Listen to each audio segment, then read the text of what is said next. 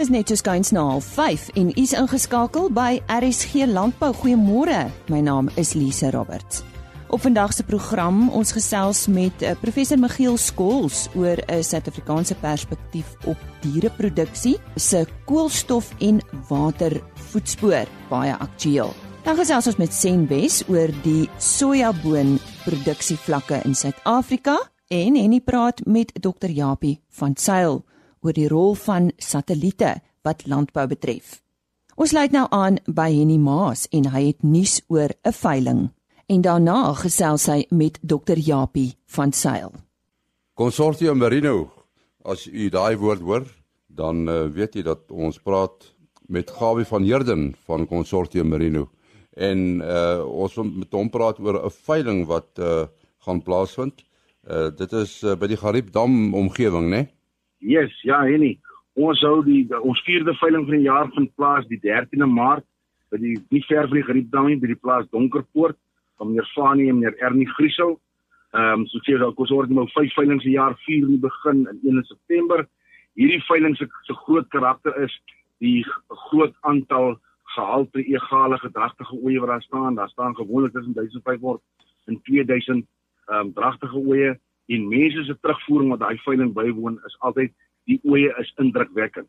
En as jy eintlik die die waardering wil hê van konsortium se ramme se impak wat op, op kinders maak wie daai veiling bywoon om net te sien hoe lyk die eenskapsie aan een. Hulle lyk absoluut soos ertjies. En ek dink die hoofrede hoekom konsortium dit reg kry is die feit dat ons moeder natuur gebruik om ons seleksie ons te doen. Daai oomblik as jy moeder natuur gebruik, dan begin jou diere eenvormig raak. Want as baie wat dit kan vat, en as baie wat dit nie kan vat nie. Daai wat dit kan vat, lyk gewoonlik dieselfde.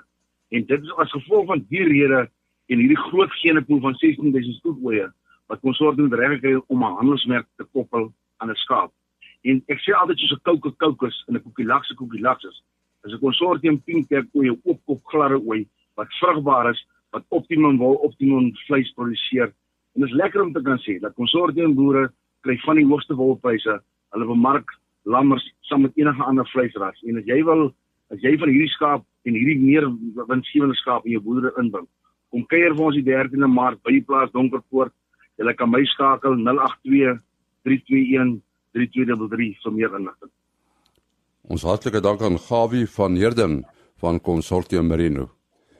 Ons gesels uh, volgend met uh, Dr. Japie van Sail wat vroeër by die Jet Propulsion Laboratory gewerk het maar nou nie meer so maak nie, maar hy werk nog met satelliete en ons wil 'n bietjie met hom praat uh oor die rol van satelliete uh in aardwaarneming en spesifiek uh die rol van satelliete wat uh, wat landbou betref. Gaan die rol vergroot word uh Japie? Uh Henny, ja, ek is uh, ek is redelik seker dat in die volgende 5 tot 10 jaar sal uh satellietbeelde baie baie meer gebruik beginne word hier om die aarde te te monitor so en uh, en natuurlik toepassings uh, vir in verskeie velde maar uh, die tegnologie is ryp dat mense nou teen 'n redelike billike koste satelliete kan opsit om hierdie waarnemings uh, baie meer gereeld te doen en uh, en die data teen 'n baie laer koste as voorheen vir mense te verskaf.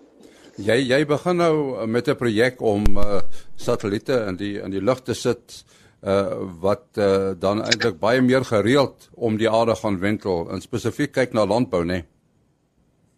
Ja, kyk die een van die groot uh, nadele op die oomblik van die satelliete wat NASA byvoorbeeld vlieg is hulle neem net 'n sekere punt op die aarde uh op 'n spesifieke tyd elke 16 dae waar. So as jy nou jy weet wil uh goed soos landbou ehm um, wil besluite neem om waar om water te gee sovoorts. Uh 16 dae is 'n bietjie te lank vir dit. Ehm um, so dan wil jy dit so elke dag of twee dan ten minste doen. En so dit is nou wat ons gaan uh op fokus om data meer gereeld te kan verskaf. Uh so elke twee by uh dae of so uh die aarde enige plek op die aarde dan te kan waarneem. Want daar is reeds satelliete wat dit doen, nê? Nee. Ja, nee, daar is satelliete wat dit doen. Hulle doen dit net nie so gereeld nie. So uh, ons ons bou natuurlik nou op tegnologie wat mense bar, oor baie jare ontwikkel het en so voort. En so dit is nou is nou 'n geval van die satelliete en die instrumente het nou en die die tegnologie het so ge, uh, gevorder dat mense dit goed nou baie kleiner kan bou en in in 'n ruimte is die grootte van 'n satelliet uh, uh, maak die prys ongelooflik sensitief. So as jy baie kleiner satelliete kan bou, kan jy dit heelwat uh, laer koste hou en dit is nou toevallig dat die tegnologie nou op daai stadium gekom het dat mense dit nou kan doen. Uh wat sou so 'n satelliet byvoorbeeld kan sien wat landbou betref? Siektes op lande? Want kyk oor die algemeen wat 'n mens uh, waarneem is natuurlik indirek uh die die uh sal ek maar sê die die status van die van die veelheid stres wat in 'n plant is. Um normale plante wat wat nie gestres is nie en genoeg water het en so voort. Hulle temperatuur is uh is redelik in equilibrium met hulle met die omgewing. Uh en waar dit sê hulle mag dalk 'n bietjie koeler wees as die omgewing as hulle as hulle goed water gegee is. En as daar nou een of ander siekte of pes of wat ook al is wat hulle aanval of hulle het nie genoeg water en so voort nie, dan uh word hulle temperatuur hoër, is maar amper soos 'n mens wat koors kry. So uh met deur hierdie goeie waar te neem kan mens indirek sê of die plante gesond is en uh jy weet hulle uh, gesond groei en so voort of nie en dit is nou wat ons wil waarneem. Ja, dit is nou nog vroeg daar, maar wanneer gaan julle eerste satelliet gelanseer word? Want ons hoop so binne die volgende 2 jaar, dit hang natuurlik nou alles af van hoeveel geld 'n mens kan bymekaar maak en daai soort van goeders en hoe vinnig ons die satelliete gebou kan kry en so voort. Maar, maar ons dink dan so binne 2 jaar van nou af sal ons eers een kan lanseer en dan dan be, uh, beplan ons om 'n satelliet elke 6 maande of so te sal te lanseer tot ons ons sogenaamde konstellasie daarbo is, dan kan nou nou die waarnemings gereeld doen. En ons sê baie dankie aan Dr. Japie van Sail daar in Amerika in Kalifornië. Soos jy reeds weet, het ons uh, die afgelope paar dae oor die heffing op sojabone gesels uh, en uh, ons het met verskeie rolspelers hieroor gepraat onder andere die uitvoerende hoof uh, van SACTA en ons het met BFAB gepraat en vanoggend aan die beurt is François Strydom, hy's uitvoerende hoof van die Senwes groep. En uh, in Suid-Afrika word jaarliks nog 'n groot volume sojaboon ingevoer, nou veral oliekoek. Franso, hoe het die bedryf die afgelope jare gegroei? Goeiemôre. Goeiemôre Lisa, dankie. Ek dink uh, jy sê reg dat uh, jy weet jy onderhoude wat jy reeds gehad het, dit eintlik die konteks van uh, die sojaboonheffing baie goed verduidelik. En uh, ek sou graag nie weer oor daai selfde hoek wil wil neem nie. Iets wat my toenemend bekommer. Dis as die feit dat ons jy weet in Suid-Afrika ons ons gewasverdeling en veral ons uh, wissel wisselbou benadering dat ek dink ons dit te lank agterweë gelaat het. Jy weet in ons die blote feit is dat ek dink ons te veel op 'n jy weet op 'n langtermynbasis te veel van sekere gewasse plant aan die een kant dit het natuurlik sy eie uh, probleem wat prys uh, volatiliteit aanbetref maar dit het 'n ander uh, baie slegte effek um, die sogenaamde monocropping enkelgewas uh, aanhoudende enkelgewas verbouing het 'n groot probleem wat uh, siekte peste en pla en weerstandbiedendheid en ook grondstruktuur grondgesondheid aanbetref en dit laat ons in in heeltemal 'n ander moeilikheid beland. En dan die derde punt wat ek rondom dit wil maak is ehm um, die, die hele debat oor klimaatsverandering. Bottom line van wat ek vir jou sê is ons plant te veel van sekere gewasse oor en oor op 'n jaar basis op die verkeerde plekke. Ehm um, en nou ja, uit uit 'n boerdery omgewing is dit wat ek nou vir jou gesê het um, is 'n groot rooi lig. Uh dit gaan beteken dat sekere boerdery eenhede wat dit um volhoudend doen um in groot moeilikheid gaan beland. Um en natuurlik vir Suid-Afrika as geheel uit 'n landbouperspektief is dit ook die verkeerde pad om te loop. Um want dit lei tot dinge soos en nou sit by jou punt dat ons massiewe hoeveelhede oliekoek moet invoer wat natuurlik kontraproduktief is rondom werkgeleenthede wat in Suid-Afrika die waarskynlik in geheel in Suid-Afrika die nommer 1 probleem is dat ons het net te min mense wat werk het en daarom uh weet nie waarde kan skep nie en dit eintlik maar met verkeerde goed uh besig is dit deur jou gesegde leerigheid dis die duiwels oorkus en dit dit is maar net 'n uh, probleem in Suid-Afrika. Nou goed, kom ons gesels oor daai produksievlakke. Hoe lyk Suid-Afrika se pr produksievlakke tans? Ek sê mens weer 'n soort van by die voorkant begin as jy sê ons het 'n mark uh, wat oliekoek aanbetref vir veel meer plaaslik geproduseerde oliekoek dan moet jy dit um, van daar af soort van backward solve so dit sê vir jou dat ons baie meer um, sojabone kan produseer in die land sodat ons meer hoë kwaliteit en konstante kwaliteit uh, oliekoek in die land kan produseer om natuurlik deur die veevoermark opgeneem te word. Ehm um, so die die die antwoord op jou vraag is net ons het te min ons moet heel wat meer sojabone uh, sojaboonolie uh, oliekoek kan produseer. Ons voer nog uh, jy weet by die miljoen ton en wat hopelik te veel is. Brei net bietjie uit as ons produksievlakke kan verhoog. Wat wat sal die impak wees? Nou, as jy net werkgeleenthede gaan definieer, jy het in plaas daarvan om 'n ingevoerde produk in te voer, dit plaaslik te produseer in die geval van van sojabone. Dit kan 'n mens net dink aan die effek wat dit gaan hê met en, en ek dink oppervlakkige skattings is dat 20 30000 werksgeleenthede in totaal sien dit binne die waardeskepping uh, waardeskepingsketting um, um, geskep kan word. Hoekom is soja so 'n belangrike gewas? Ek dink presies in die eerste uh, oogpunt as ek as ek teruggaan na die grond toe gaan dit oor grond ehm um, gesondheid so sojabone ehm um, as jy dit ook kom ons sê monokrap as jy net ander sojabone oor en oor plant op dieselfde stuk grond met dit moet nou dieselfde negatiewe effek dit gaan eintlik oor die wisselbou effek en dit is uh, hoekom sojabone baie goed inpas in 'n weldeurdagte wisselbou ehm um, effek dan um, jy weet stikstof maar ook die breek van sekere ehm um, ehm um, siklusse wat insekte en en uh, ander peste en blare betref onkruide aan betref. Is daar 'n uh, ander voordele van hierdie gewas behalwe nou dit uh, waarna jy alreeds verwys het soos werkskepping en uh, ja, die produksievlakke wat nodig het om te verhoog sodat ons aan uh, al ons behoeftes kan voorsien sonder om in te voer? Wat watse ander voordele kan jy vir ons uitlig?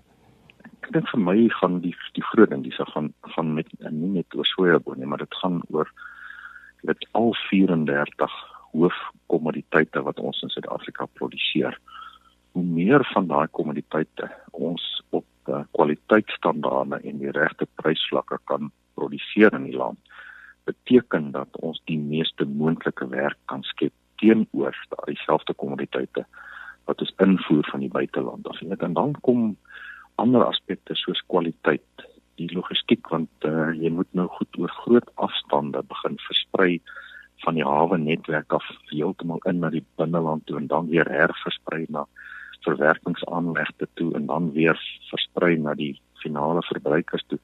Dit ons ons infrastruktuur is juis onder druk. So um, as jy dwars deur die hele ketting dink, is plaaslike produksie en almal van ons besef dat ons platteland besig is om te verval. Die klein dorp, die Senwesgroep opereer meer as 140 van die plaaslike of die plattelandse dorpe. Die infrastruktuur in die dorpe verval heeltemal.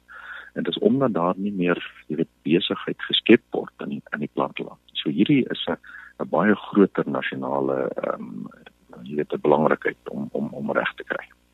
Dit was aan François Strydom, die uitvoerende hoof van die Senwes groep wat met ons gesels het oor die plaaslike sojaboonbedryf en skakel gerus uh, môreoggend weer in vir RSG landbou, dan gesels ons met Andrius Tron. Ons sluit nou weer aan by Henny Maas. Ons uh, gesels nou met uh, professor Michiel Skols.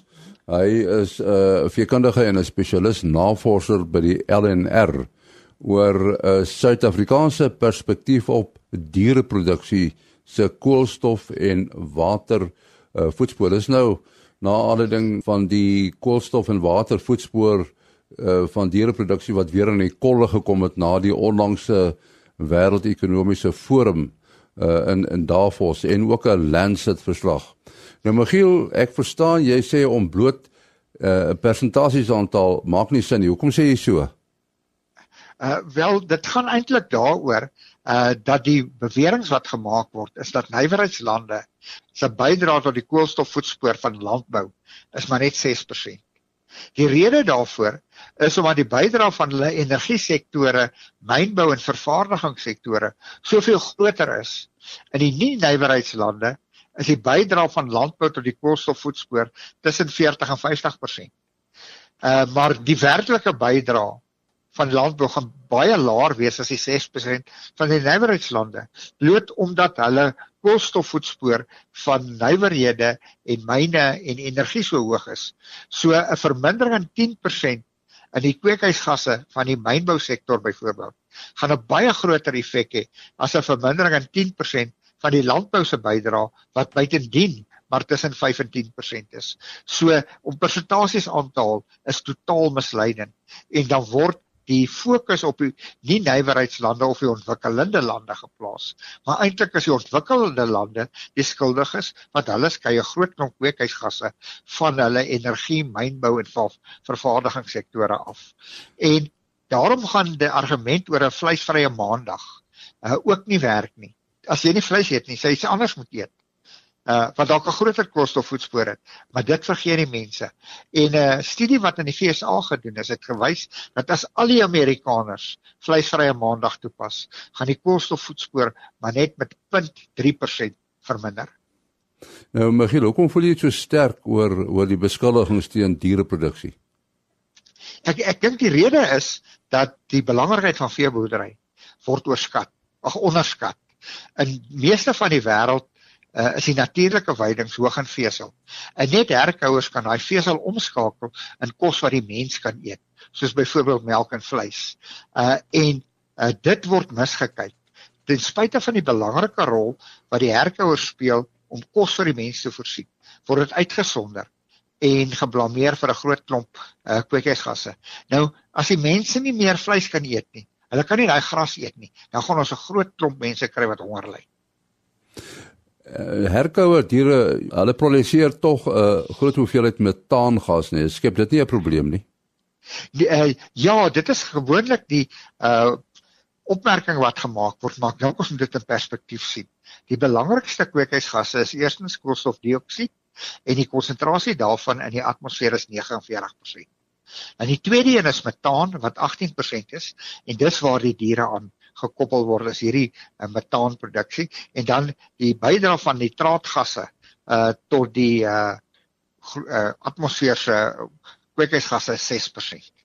Maar kom ons kyk wat is die belangrikste bronne van metaangas? Die grootste bron van metaangas is vlei lande wat 22% is. Uh tweede is gas en steenkoolontginning waar die metaan bydra 19% is. Dan kom ons by die fermentasie in die derkouer se rumen. 16% van die metaan kom daaruit. Dan rysverbouing produseer 12% van die wêreld se metaan, maar niemand skree eet minder rys nie terwyl die bydra tog 12% is. En dan kom ons by veld en bosbrande wat 8% is, stortingsterreine 6%, maar diereafval wat die mis insluit, uh, is so 5%. So mens moet al hierdie syfertjies in perspektief sien voordat jy gevolgtrekking kom maak. So ons moet eintlik 'n bietjie sommetjies maak. Vertel ons 'n bietjie meer. Ja, as ons nou kyk na die herkouers se bydrae tot die wêreld se metaangasproduksie, dan is dit 6 16% van die rumenfermentasie en 5% van die mis. So dis 21%. Maar metaan maak net 18% van die wêreld se kweekhuisgasse uit. So 21% van 18% gee vir my minder as 4%. So die herkouers se bydrae tot die uh, kweekhuisgasse of die koolstofvoetspoor in die uh, wêreld is maar minder as 4%. En nou gaan die mense onmiddellik vir my sê ja, maar metaan se hittehou vermoë is 23%, is 23 keer groter as die van koolstofdioksied.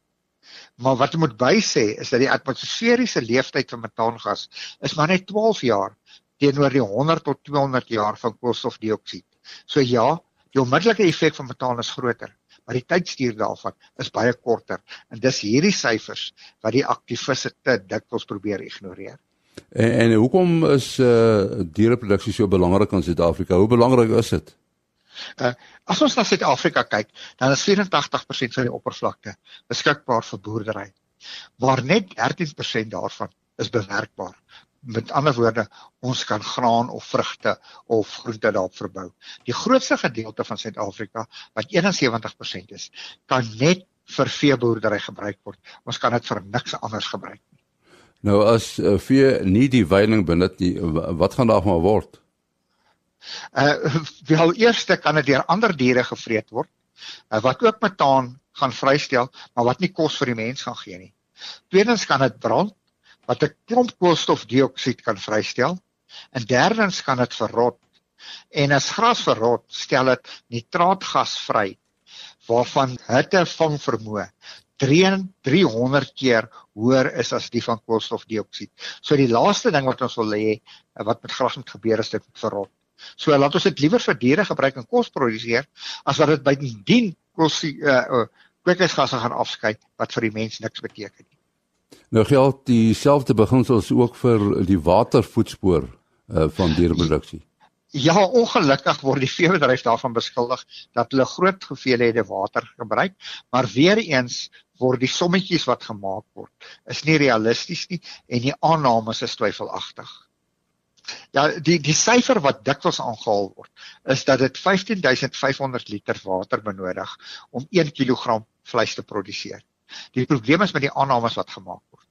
Die eerste aanname wat gemaak word is dat dit 3 jaar neem vir 'n bees om 200 kg vleis te produseer.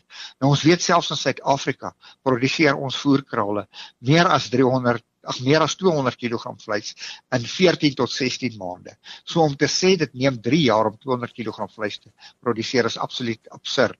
En die ander fout wat hulle maak, hulle sê al die water wat op die plaas geval het, word aan die vleis toegeskryf uh die water wat afgeloop het in die riviere en wat in die uh damme beland het en al, al daai bereken hulle ook teen die verreken hulle ook teen die vleis want hulle sê dis wat op die plaas geval het. En sekerlik kan al daai water nie aan die vleisproduksie gekoppel word nie want van hulle beland in damme en riviere en word vir mynbou en vir besproeiing en vir menslike doeleindes gebruik. So dis die twee foute wat die mense maak. Nou kan ons sê eerder die water wat deur diere gebruik word gebruik om groente en uh grane te produseer nie. Ja, soos wat ek reeds genoem het, Suid-Afrika en baie ander lande, is daar groot dele van die oppervlakte wat nie bewerkbaar is nie, wat net deur natuurlike weidings of droogland gewasproduksie gebruik kan word. Uh en dit is ook met belangrik is dat ons 'n verskil maak tussen groen water en blou water. Groen water is die water wat in die grond opgeberg word nadat dit gereën het en dit kan vir niks anders gebruik word as deur die plante nie. Ons kan nie daai water wat in die grond is uh sê nou gaan ons dit vir iets anders gebruik nie, want ons kan nie gewasse daar plant nie, hulle gaan nie groei nie. Hierdie water as ons dit nie gebruik om vleis te produseer nie, dan is dit verlore. Uh, hoekom al die verwarring? Ek dink die redes daarvoor is dat die metodes waarvolgens beide die koolstof en die watervoetspoor vir rooi vleisproduksie bereken word, is gegrond op generiese waardes wat in lande soos die noordelike halfrond bymekaar gemaak is. En dit maak nie voorsiening vir die verskillende produksiestelsels nie. Uh ons het nou gaan kyk na wat gaan in Suid-Afrika aan. En as ons kyk na die uh blou water, dis die water wat in kompetisie met wat die dier gebruik wat in kompetisie met ander uh, uh gebruike is soos vir mense of vir besproeiing of myne en so. Dan het ons uitgekom dat jy so tussen 245 en 400 liter blou water nodig om 1 kg vleis te produseer. En die verskil tussen die 245 en die 400 liter gaan grootliks daaroor oor die produksiestelsel, is dit 'n voerkraalstelsel of 'n osproduksiestelsel en ook wat se uitset van die kudde. Is die speetpersentasie 85% of is dit 65%? So ja, ons kan uh die uitset of die doeltreffendheid van ons kuddes verbeter en ons gaan dan die koolstof en watervoetspoor minder maak maar nie so drasties as wat die sekere groepe uh probeer wys maak nie. Ja, ons sê baie dankie aan uh, professor Michiel Skols van die RNR. Ons uh, gesels uh, met Dr Michael Bradfield van uh, Wagyu en ons gaan met hom praat oor 'n uh, transaksie wat beklink is met Morgan Beef. Vertel ons daarvan Michael. Ja, baie dankie uh Henny. Dis dis nie asof 'n transaksie wat beklink is nie. Wat gebeur het is Morgan Beef het ons uh genader. Jy weet Morgan Beef uh op ook op mega boere gewys. Hulle het 'n vliegtuig wat uh, amper elke week uitgaan uh na uh oos uh, die Midde-Ooste toe met vleis en dis meer. En daar het hulle kon hulle sien daar's 'n groot behoefte aan wagyu uh vleis. Um hulle het ons toe genader en gevra of hulle nie of hulle nie uh kan betrokke raak by wagyu nie. Um ons het toe met hulle uh, ek en my voorsitter Frans Tabelberg het toe met hulle onderhandel dat ons uh, kyk um, hoe ons 'n premie vir die speenkalfboere kan gee. En Morgan Beef het nou met drie opsies uh, opgekom. Die eerste opsie is 'n uh, as 'n 20% premie op 'n speenkalf. Um, en dan die en dan die uh, dier uh, ten minste 50% wagyu bloed in het. Die tweede uh, opsie is hulle betaal jou helfte van jou speenkalfprys maar jy deel ehm um, helfte van die wins op die karkas. En soos ons weet die gemiddelde wagyu karkas gaan hier so 50 60000 rand. So daar's goed geld te maak uh, indien jy ehm uh, daai opsie sou kies. Die derde uh, opsie is hulle voer vir jou 'n kontrak so hulle vra jou 'n sekere fooi en dan sal hulle wagyu uh vir jou voer. Uh sover ek weet uh, hier is dit die eerste vir die bedryf waar so 'n voerkraal uh jy weet so ernstig inklim in in Wagyu en Wagyu sal sal koop uh, deur die hele industrie. Daar's ander voerkrale wat ook nou al uh Wagyu koop, maar hierdie is 'n oop aanbod as ek dit so kan stel vir die vir die hele vir die hele bedryf. Um so ons gaan nou saam met hulle uh hierdie komende uh donderdag um 'n boeredag hou by Delmas wat uh 10 uur gaan begin en op die boeredag self um gaan die lesings gaan oor die internasionaal wat gebeur met Wagyu internasionaal, die aanvraag internasionaal. Jan Morgan gaan self praat oor uh hierdie verskillende tipe van besigheidsgeleenthede uh vir boere. Ons gaan praat oor ons sertifiseringsprogram om uh deel van Morgan Beef uh se se dienslewering te wees, moet jy deel uh wees van die certified Wagyu beef program. Dis waar ons kan sertifiseer dat dit wat die produk wat jy kry aan die einde van die dag regtig dit is wat ons sê uh dit is. So dit is opwindend vir ons as uh Wagyu om met uh, so groot voetbal betrokke te raak. Ja, baie dankie. Dit was uh Dr. Michael Bradfield wat uh, gesels het oor Wagyu en Morgan beef. Dit is dan ook al vir vandag. Baie dankie vir u tyd vanoggend. Maak gerus môreoggend weer so. Ons gesels weer môre. Totsiens. RSG Landbou is 'n produksie van Plaas Media. Produksieregisseur Henny Maas. Aanbieding Lisa Roberts. En inhoudskoördineerder Jolandi Root.